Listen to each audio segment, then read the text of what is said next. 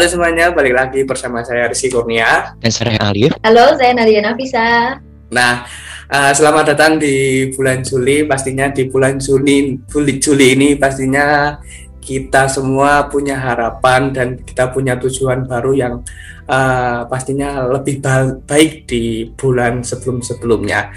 Dan juga terima kasih uh, buat teman-teman dan uh, aku sendiri dan teman-teman yang Kak Nadia dan Rehan ternyata kita sudah melewati setengah tahun di 2021 walaupun banyak kendala maupun apa bencana yang ada dari awal bulan pertengahan bulan di antara Juni Januari dan akhirnya sampai kita di bulan bulan Juli ini. Dan uh, di bulan Juli ini kayaknya kita diawali dengan hal yang kita tidak inginkan. Kayak kita harus uh, di rumah saja harus ppkm harusnya kita ada event di luar tapi kita harus ditunda untuk bulan-bulan selanjutnya. Dan kalau ada mau kerja tapi harus di rumah aja di offline ya. Tapi kan karena ini untuk kebaik kebaikan kita bersama dan Indonesia ya kita harus lakuin bersama-sama. Nah, tapi kalau kita ngomongin tentang usaha dan tujuan, pastinya kalian punya nih tujuan dan usaha di bulan ini, pastinya pastinya lebih baik lah. Dan kalau kita ngomongin usaha dan tujuan, pastinya kita uh, harus harus punya tekad untuk mencapai itu.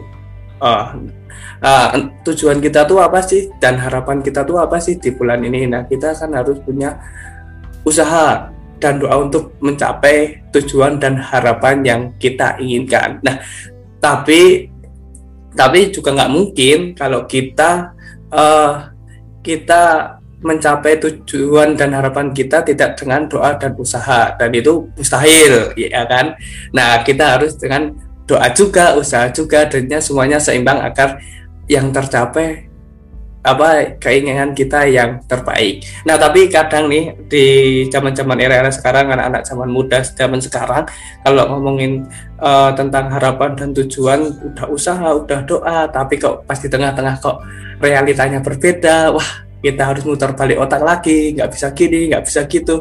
Uh, kadang ada rasa putus asa, rasa ingin apa? Wah, apa sih ini?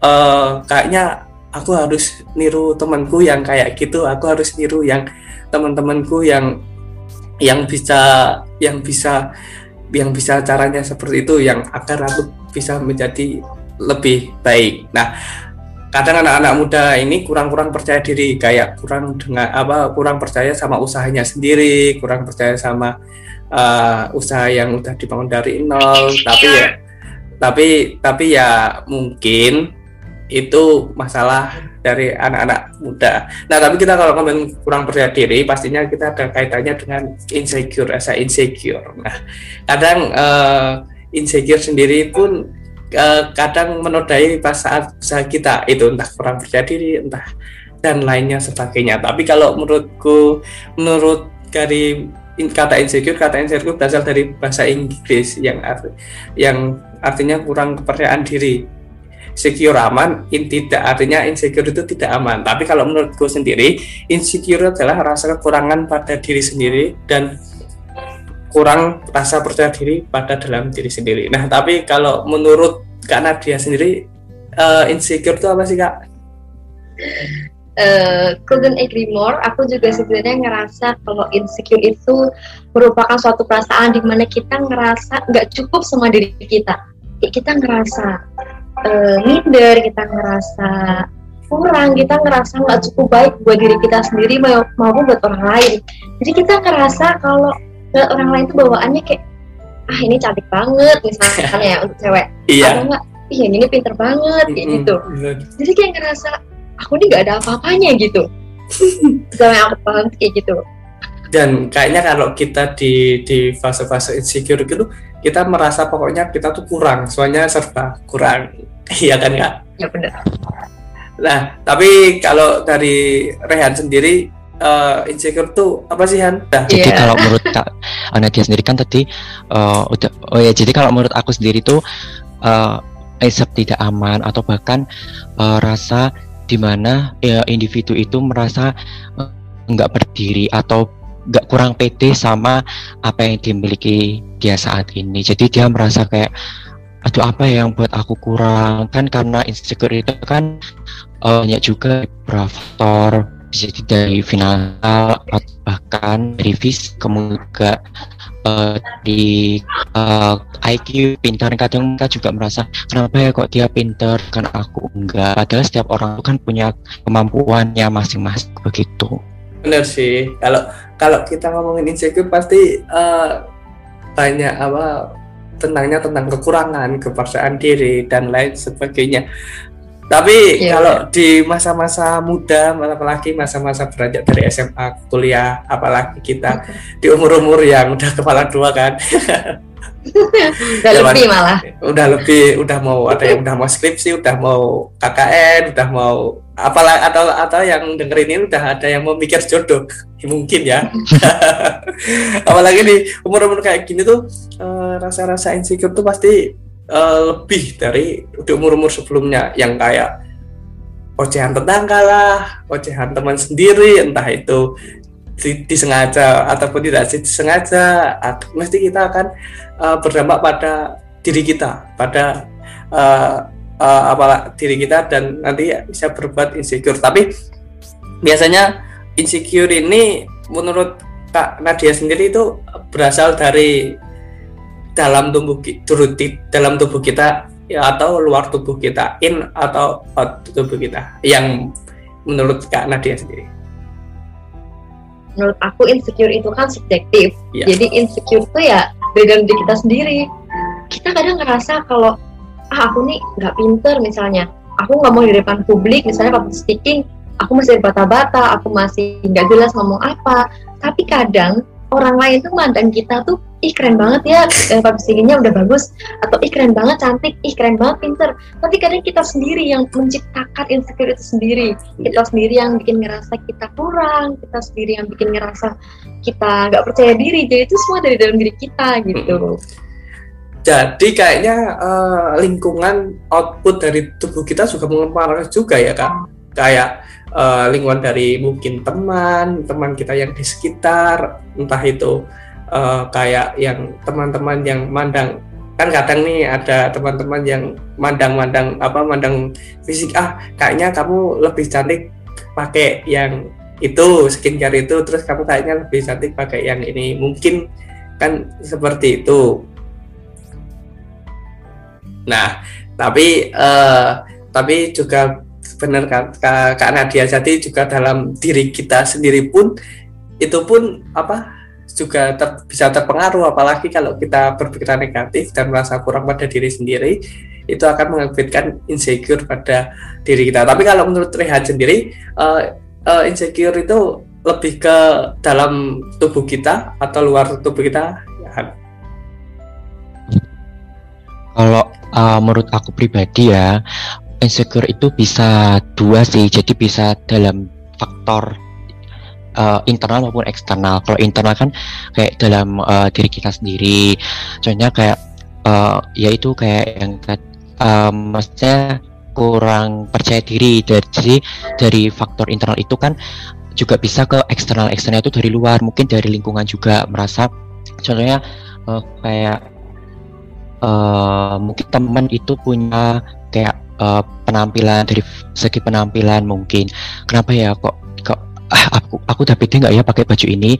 Jadi itu yang membuat uh, dari uh, diri sendiri. Tapi kalau dari luar mungkin uh, kok dia pakainya bagus dengan aku enggak sebenarnya dari insecure itu tuh karena orang itu terlalu memikirkan uh, standar. Jadi standar menurut orang itu. Jadi bukan menurut dari kita sendiri. Begitu Iya benar sih. Tapi kalau Kak Nadia sendiri punya nggak sih Kak pengalaman insecure pada mungkin pada diri sendiri atau mungkin wah aku harus harus apa insecure pada insecure orang lain kayak wah kayaknya aku harus uh, terlihat cantik terus harus diedit di Lightroom terus biar yang like banyak biar orang-orang suka. Kan kadang cewek kan gitu kan ya kan? Mungkin ada nggak sih cerita-cerita dikit ya. Nggak cuma dikit saya insecure kayaknya kalau kan untuk tiga. iya iya kalau cewek apalagi udah uh, uh, ngomongin kecantikan, ngomongin fisik pasti udah banyak yang insecure. Apalagi ini, uh, apalagi kalau udah duta, duta, duta bahasa pasti wah kok nggak nyangka ya udah bisa kayak gini. Ini ini bener gak sih aku diterima? bener gak sih? Iya kan kak? Iya sering. Iya. Jadi emang ya, aku melihat dari sudut pandang seorang wanita. Cewek itu kan hobinya ada tiga ya manicure, pedicure, insecure.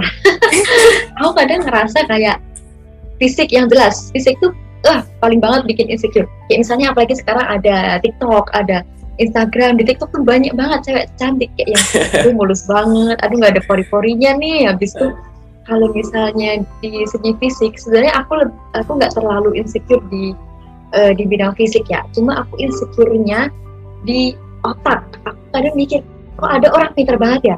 kok ada orang pinter public speaking nggak perlu deg-degan, nggak perlu ada persiapan buat ngomong depan umum dan kata-katanya tertata.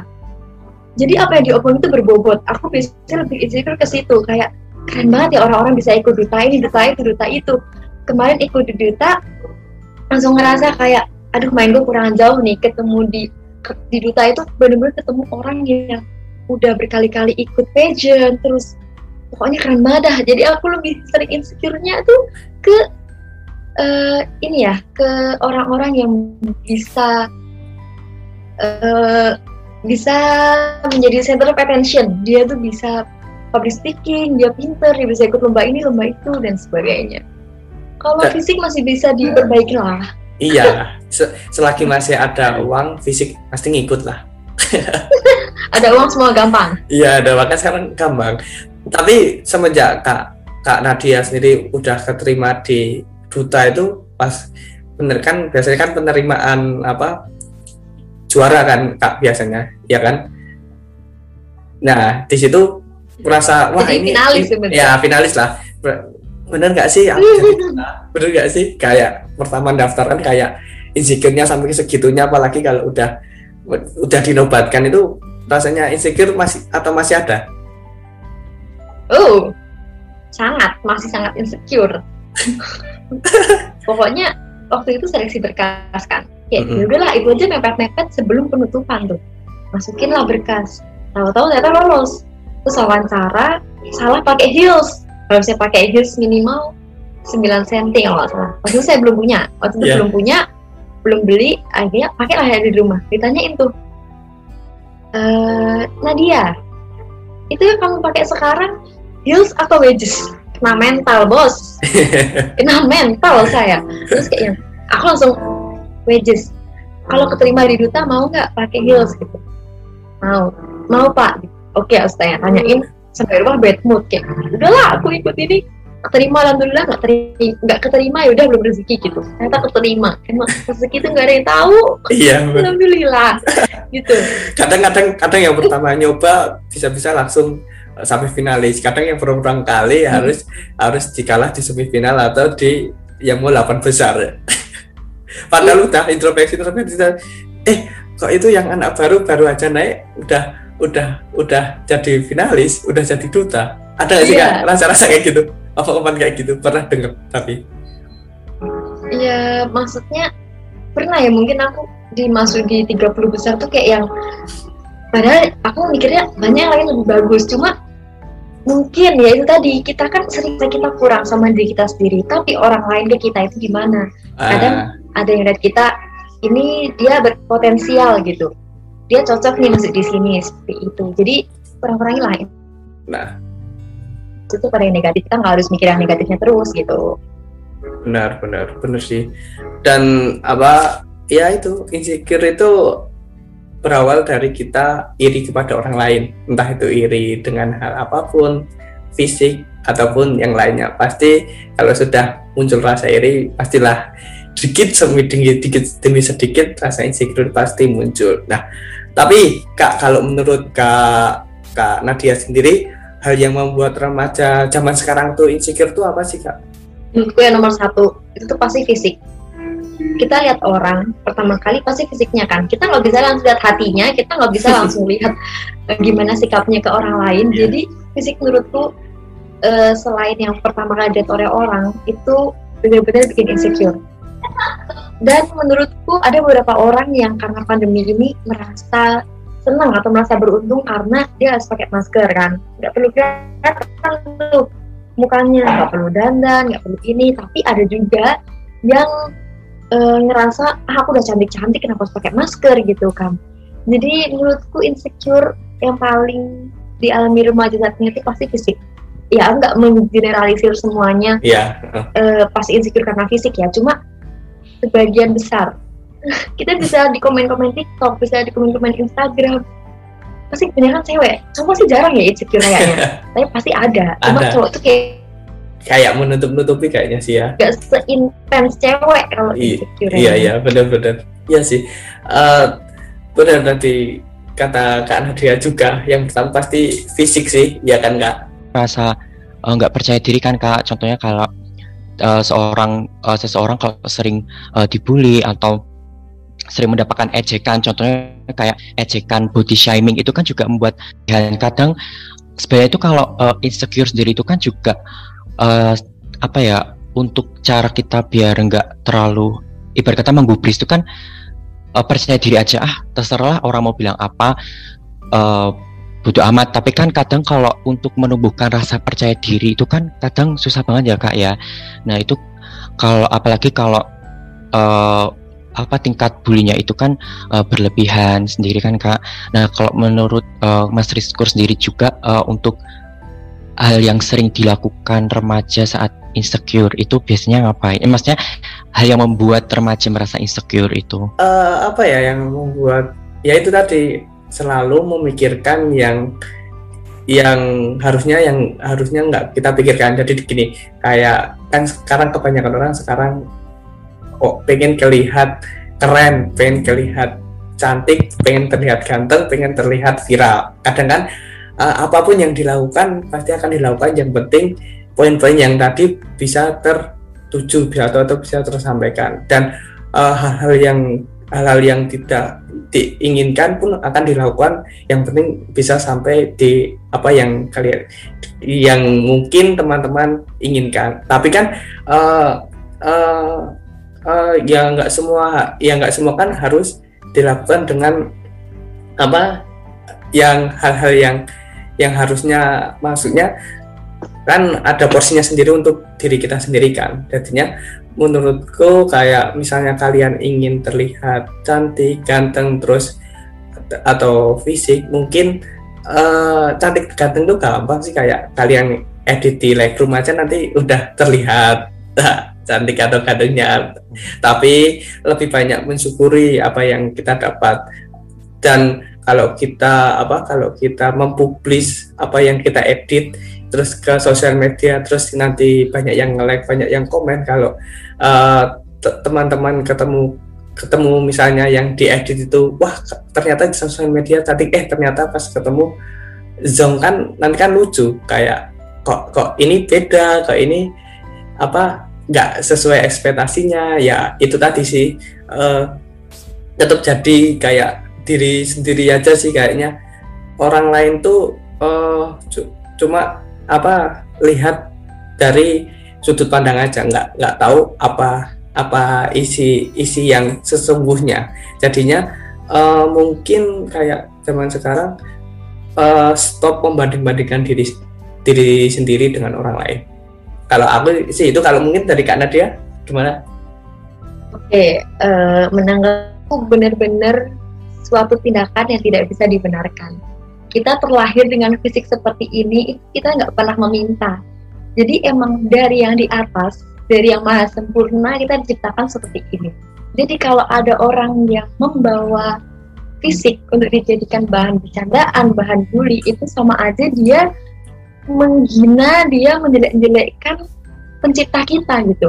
Kita nggak pernah minta dilahirkan seperti ini tapi dari yang maha sempurna udah mendesain kita dengan seperti ini jadi menurutku insecure itu bisa ada sisi positifnya. Misalnya gini eh, kita ngerasa kita gendut nih kita ngerasa apa mungkin kulit kita nggak mulus gitu. Kita kita boleh ngerasa insecure kayak ngerasa aduh rasanya badanku gendut nggak enak buat jalan. Terus engap gitu misalnya untuk untuk nafas engap gitu. Kita bisa memperbaiki dengan pola makan yang um, misalnya kalau di defisit kita bisa ngurangin makan terus ada olahraga gitu. Jadi uh, itu bisa membuat diri kita menjadi lebih baik. Maksudnya di sini kita bukannya kita bukan menerima mentah-mentah apa yang dikatakan orang. Misalnya kan gendut gitu. Tapi kita berusaha buat membuat diri kita tuh lebih baik buat diri kita sendiri gitu. Kita nggak bisa memenuhi ekspektasi orang-orang. Jadi ya udah aku cantik buat diriku sendiri aku kurus buat diriku sendiri.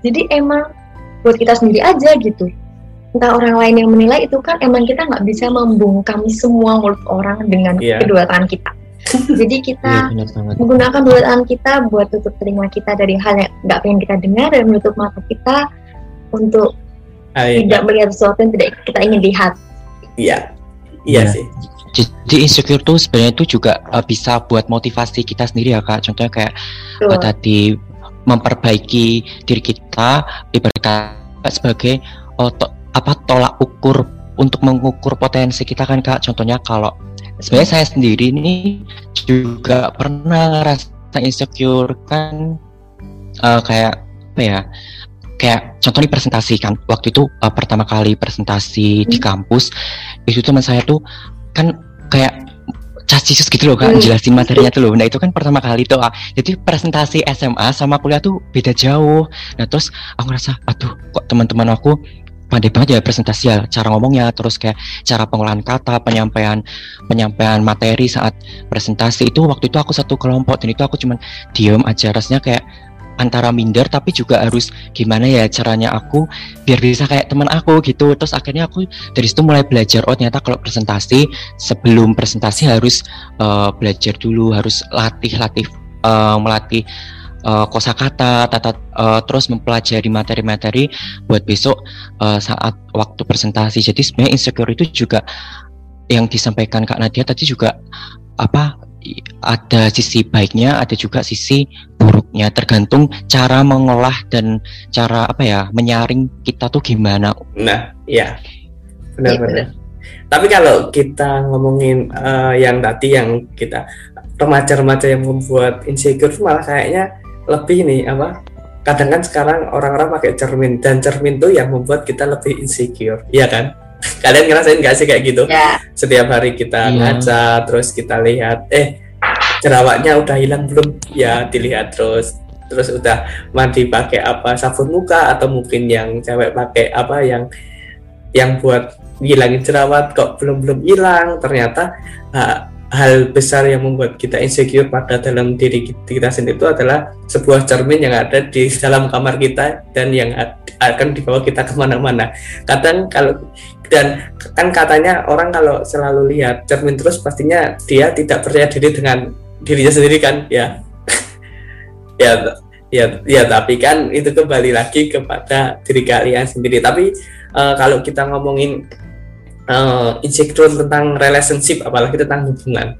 Nah kalau seorang cewek tuh uh, yang diinsecurein dalam sebuah hubungan tuh apa sih kak? Kan kak Nadia di sini sebagai pemeran sebagai cewek. Nah at, uh, yang kak Nadia insecurein saat kak Nadia punya pacar terus dalam relationship dengan apa pacaran tuh apa sih kak? Oke okay, mungkin kalau dalam hubungan kita kan kalau misalnya semakin lama hubungan tuh pasti makin gak ada sekat gitu. Kita makin menunjukkan diri kita yang sebenarnya ya kan? Ya.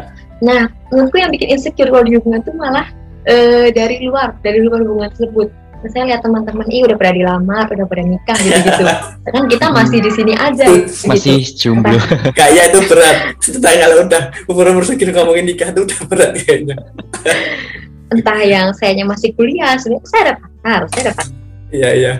Belum mungkin gitu loh kayak yang saya masih pengen kerja masih pengen berkarir dulu masih pengen ngikutin passionnya di mana. Terus sebenarnya insecure ke pasangan tuh mungkin karena kita ngerasa kayak pacarku udah kerja gitu misalnya. Aku juga nggak mau kalah dong walaupun aku kuliah juga aku juga tetap pengen uh, punya penghasilan gitu entah nge-freelance atau apa. Tapi kebanyakan insecure dari luar kalau menurutku ya uh, di hubunganku sendiri saya lihat yang lain udah nikah gitu-gitu kan uh. sedangkan yang sini masih LDR gitu kan misalnya jadi hmm, lebih sedikit lah insecure dalam hubungan tuh menurutku karena kita bisa atasin bareng-bareng kan ada partner buat ngobrol gitu hmm. di hubungan tuh tapi kalau misalnya kalau dari laki-laki sendiri kayak insecure kayak mau hubungan atau kayak mau PDKT sama cewek tuh lebih ke materian. Ini bener nggak sih uh, aku dengan motor yang vario terus iya, iya, apa tuh apa yang gajinya cuma segini segini mau dia tuh mau nggak sih sama aku? Kalau dari kak Nadia kalau nanggepin yang kayak gitu gimana? Ya aku beberapa kali emang uh, sering apa ya sering bukan sering dengar sering lihat kayak sering dapet ya kayak gitulah. Biasanya cowok tuh insecure-nya di bidang ekonomi gitu ya kan. Yeah. misalnya kayak yang maksudnya gini kalau menurutku ya kalau cowok emang belum ada bukan aku nggak aku nggak menganggap semua cowok tuh belum ada penghasilan. Maksudnya dia memang belum ada budget untuk memenuhi kebutuhan pacarnya karena kalau kita punya pacar itu mau nggak mau kita harus uh, menyisihkan waktu buat buat pacar lah. Nggak cuma waktu lah kita pasti uh, uang dan sebagainya itu kalau misalnya kita buat diri kita sendiri aja belum terpenuhi jangan dulu lah pacaran maksudnya kayak yang gimana memenuhi diri sendiri aja belum gitu gimana mau memenuhi anak orang gitu kan iya. baru itu konteksnya baru pacaran mm-hmm. jadi menurutku cowok emang lebih pede ya kalau misalnya dia udah ada pekerjaan udah ada uang gitu maksudku ya nggak Iya. Buat cowok-cowok. Ya. lebih pede kalau kalian udah, udah merasa kan? ada kerja kayak ah, iya. pokoknya bisa lah udah udah ter iya. biasanya saking pedenya ini kak biasanya saking pedenya kadang kan kadang ada orang yang udah mapan udah kerja terus uh, apalagi kalau misalnya itu dari abdi negara atau yang berseragaman kadang kan saking hmm. saking pedenya DM cewek eh, ter, eh ternyata ceweknya nggak suka dia langsung bilang loh eh, uh, oh. emang emang emang emang emang pacarmu emang pacarmu apa enggak sekeren aku. Kadang terlalu pedenya laki-laki tuh kadang bertambah saking men, nganu apa membawa gaya-gaya yang udah dia apa udah dia penuhi. Kadang kan kata itu apalagi uh, hmm. kalau di Twitter juga lihat TXT TXT yang kayak yeah. gitu kan ya kan banyak. Iya iya iya.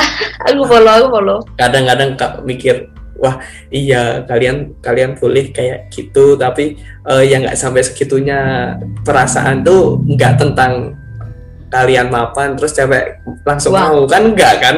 Iya kan? Cewek kan juga ngalamin. Hmm. kalau misalnya karena dia sendiri dalam posisi kayak gitu posisi di mana uh, karena dia jomblo terus ada seseorang yang udah mapan terus berseragam terus bilang bilang kayak gitu ke Kak Nadia terus Kak Nadia apa responnya? Kan kayak di jijik banget kan? Ya kan?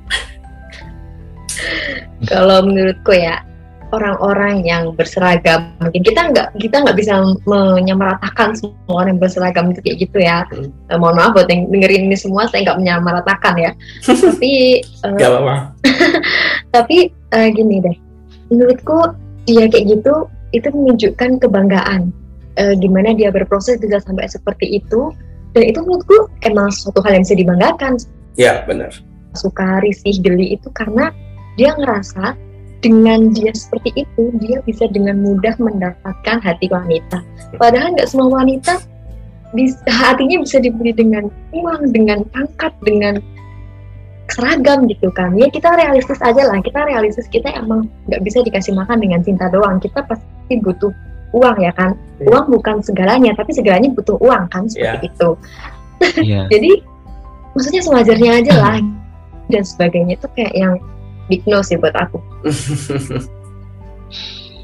Tapi iya sih maksudnya ada kebanggaan sendiri dan uh, kalau kita ya ya boleh kita bangga tapi ya nggak sampai segitunya. Kan kalau hmm. lihat kan cewek juga kayak bukan bukan kayak bukan benda yang mudah untuk kalian DM langsung diterima. Kan ya nggak perasaan itu juga punya proses kalian PDKT yang deketin cewek aja juga punya proses yang panjang.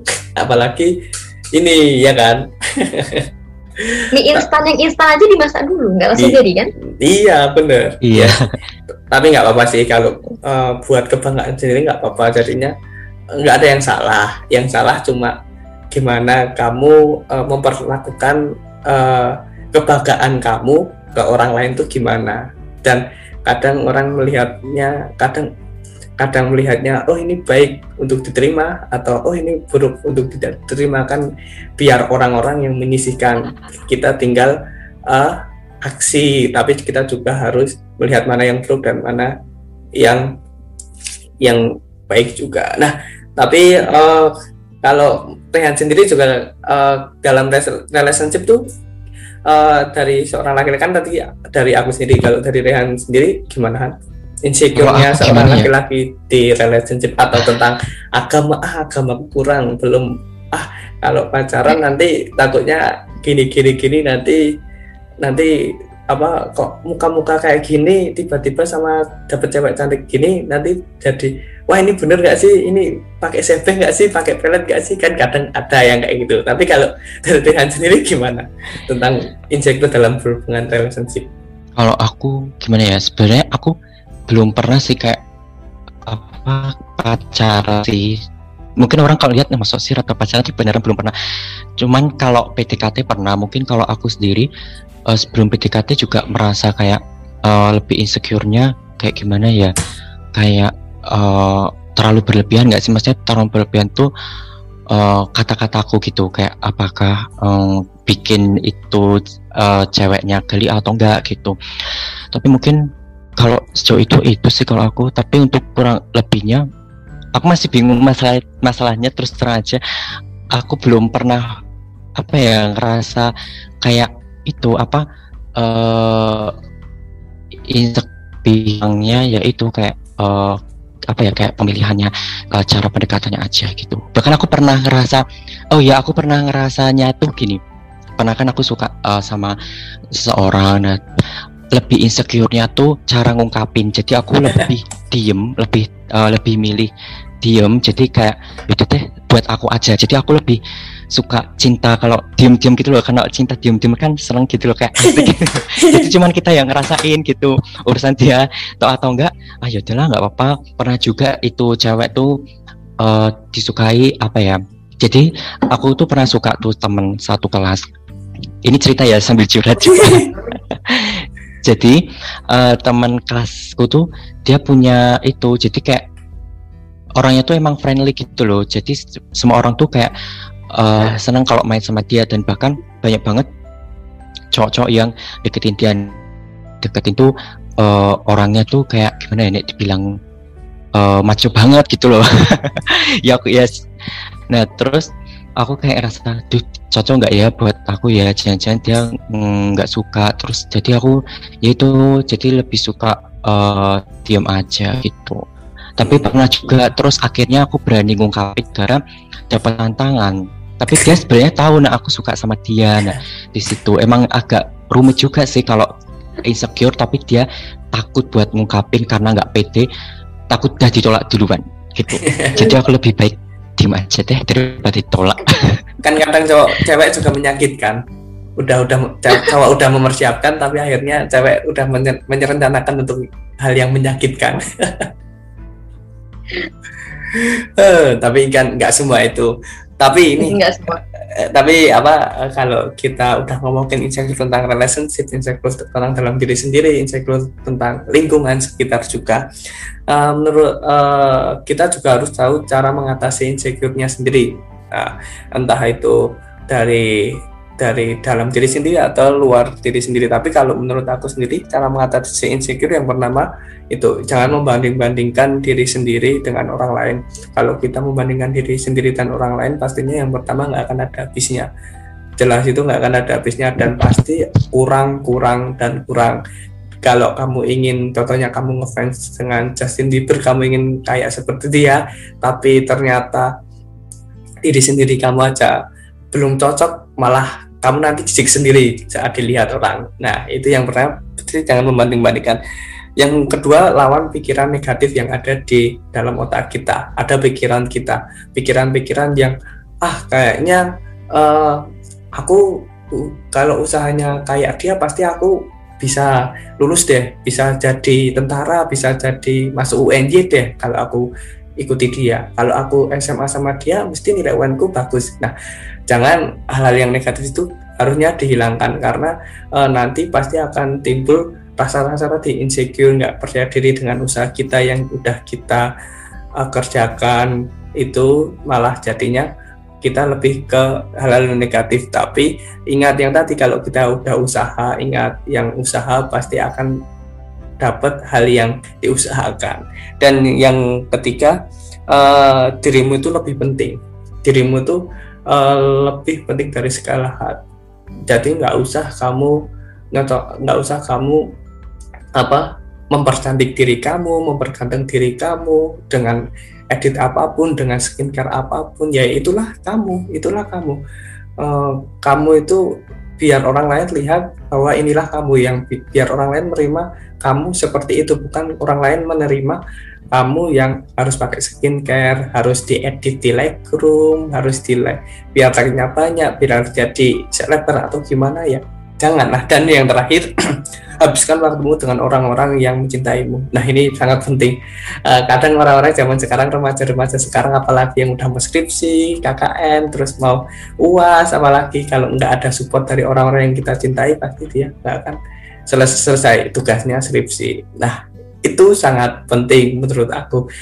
Dan uh, apa tetaplah kalian di around lingkungan sekitar lingkungan sekitar banyak ke orang-orang yang positif kayak lebih banyak support kepada kita dan lain sebagainya. Nah, tapi menurut Kak Nadia sendiri, hmm, cara mengatasi insecure itu apa sih Kak? Oke, karena aku sebagai cewek yang sering insecure, aku sering ngomong ke diriku sendiri kayak yang udah kamu tuh cukup, you are enough gitu. Pernah dengar nggak butterfly hug? Butterfly hug itu kita menurut diri kita sendiri, kita kasih afirmasi positif, kita bilang udah kamu udah hebat bisa ngelewatin hari ini kamu hebat bisa gak ngubris dengerin negatif dengerin omongan negatif orang-orang kamu hebat udah bisa sampai di titik ini sampai sekarang kamu hebat uh, bisa bertahan dari segala omongan orang yang gak ngerti perjuangan kamu selama ini gitu. menurutku itu sih ya terus uh, kayak ya yang penting tuh afirmasi positif ya dan kita tuh nggak boleh menyamakan proses kita dengan orang lain. Maksudnya, misalnya kita masuk di WD bareng-bareng nih, tiba-tiba udah ada yang sempro, misalnya udah ada sempro, terus udah ada yang sambil bisa kerja aja, gimana nggak mekar bareng. Jadi ya emang udah ada porsinya sendiri-sendiri gitu loh. Jadi tinggal bagaimana kita buat mengeksplor diri kita lagi, gimana kita bisa uh, menyingkirkan hal-hal yang bikin kita nggak percaya diri gitu dan menurutku membandingkan diri ke orang lain itu perlu tapi dalam artian kita membandingkannya uh, dari sisi yang positif. Misalnya dia pinter di bidang akademik dia pinter di bidang public speaking dia pinter di bidang merawat diri misalnya pinter make up pinter jualan dan sebagainya. Kita lihat uh, maksudnya dia bisa kayak gini berarti nggak kemungkinan aku juga bisa. Kita ambil uh, kita curilah ilmunya dari mereka cari ilmu yang positif. Maksudnya gimana caranya biar biar dia bisa sampai kayak sekarang? Bisa pintar ngomong depan umum nggak deg-degan itu kan pasti dia butuh proses. Practice next perfect ya kan? Jadi kita perlu membandingkan diri kita sama orang lain tapi membandingkan yang positif. Kita ambil ilmunya kita buang yang negatif dan yang terpenting bilanglah diri kita sendiri. Nah tapi kalau misal ya itu kan cara mengatasi dari Kak Nadia sendiri tapi kalau dari Rehan sendiri gimana Han? Kalau aku dirimu juga uh, mungkin untuk mengatasi gimana biar aku nggak insecure juga hampir sama sih kayak nggak membandingkan diri aku dengan orang lain. Harus uh, bersyukur dengan uh, salah satunya kemampuanku karena setiap orang itu kan punya kemampuannya beda-beda. Jadi nggak uh, bisa kalau aku samain uh, kemampuanku sama uh, sama si dia. Contohnya dia pinter banget matematika sedangkan aku Eh, uh, maksudnya nggak terlalu gitu loh. Tapi kan aku punya potensi sendiri di mana kak di bidang mungkin di bidang uh, fashion aku lebih mes, lebih paham atau gitu kurang lebih. Bahkan kalau bahkan kalau di lingkup uh, kayak contoh gini ya kalau kuliah kan aku kan kuliah nih. Uh, jurusanku kan administrasi rumah sakit. Nah setiap orang kan punya kesukaan masing-masing kayak di mata pelajaran gitu. Kemampuan uh, dalam pola berpikir atau uh, berdiskusi juga kan. Nah kalau kayak temanku itu uh, dia dia pindah uh, pindah dia pintar di uh, mungkin mata kuliah apa. Nah sedangkan aku mungkin bisa uh, lebih paham di mata kuliah apa. Jadi aku kurang kurang apa kurangi untuk banding-bandingkan diri aku dengan orang lain. Mungkin juga uh, bersyukur juga salah satunya banyak ada kata-kata yang gini kurangi insecure banyak bersyukur. Karena dengan kita bersyukur mungkin kita juga bisa uh, apa ya berdamai dengan uh, diri kita. Terus salah satunya juga yaitu menerima segala kekurangan. Karena kalau kita udah menerima kekurangan kita kita bisa kayak lebih uh, mengurangi uh, kalimat atau mengurangi insecure dalam uh, diri kita. Terus juga harus kurang overthinking juga itu karena kalau kita terlalu mikir mikir maksudnya kayak uh, mikir tuh ya mas depan terus aduh ya itu kalau cuma mikir-mikir terus kan itu juga bisa bisa bikin uh, apa insecure insecure uh, dalam diri kita yang akhirnya nanti ujung-ujungnya kita stres terus kemudian overthinking yang akhirnya uh, jadi apa yang kita capai nanti malah nggak sesuai sama yang kita mau. Jadi itulah ya dibawa enjoy aja lah. Yang penting uh, yang penting apa ya? Yang penting uh, apa yang aku lakukan ini uh, insya Allah bisa membawa ke depannya baik untuk aku gitu. Ya benar. Berarti walaupun dari tiga cara mengatasi insecure berarti ada yang berbeda. Mungkin dari aku, dari Kak Nadia dan dari Rehan berbeda. Mungkin kalian bisa uh, memilah dan memilihnya. Nggak semua pure harus kalian ambil semuanya. Nah, uh, tapi uh, mungkin sebelum closing yeah. ada ada nih kuates-kuates cantik. Mungkin dari Kak Nadia sendiri tentang tema kita kuates-kuates cantik untuk uh, tema insecure ini. Aku nggak nggak ribet sih quotesnya. You can if you think you can. Kamu bisa kalau kamu pikir kamu bisa. Nah, nah. itu doang. Iya. Jadinya kalau kamu bisa ya simpel tapi bermakna banget nah bener kadang orang kan sekarang kurang semangatin kurang dikasih atau motivasi untuk uh, menjadi yang lebih wow Iya, iya kan. Jadinya, yeah. uh, apalagi di umur-umur yang dewasa ini yang sudah di mana hampir mau quarter life crisis kalau katanya. Tapi hmm. kalau uh, quarter quarter dari kalau aku sendiri sih uh, lebih ke jangan mengubah diri sendiri untuk orang lain. Jadinya don't change yourself to someone. Jadinya jangan mengubah dirimu untuk orang lain. Tapi kalau dari Rian sendiri? Kalau dari kalau dari aku sendiri uh, apa ya uh, kamu kamu hebat sesuai dengan kemampuanmu uh, dan janganlah kamu uh, merasa kurang dengan apa yang kamu miliki gitu. Nah, ya benar sekali. Yang penting semua yang kita obrolin tentang insecure, tentang insecure relationship, insecure dalam lingkungan sekitar, insecure dalam fisik, insecure yang lainnya juga. Semoga uh, di tema kali ini membantu kalian untuk tidak merasa insecure lagi dan lebih uh, growth lebih berkembang lagi pada diri kalian sendiri. Dan jangan lupa juga tetap uh, follow Instagramnya Maskur at Maskur under, dot underscore podcast dan TikToknya at Maskur double S dan double R. Dan terima kasih semuanya. Uh, saya Kurnia pamit. Saya Rian Alif pamit. Saya Nadina Fiska undur diri. Dan sampai ketemu di episode selanjutnya semuanya. See you semuanya. See you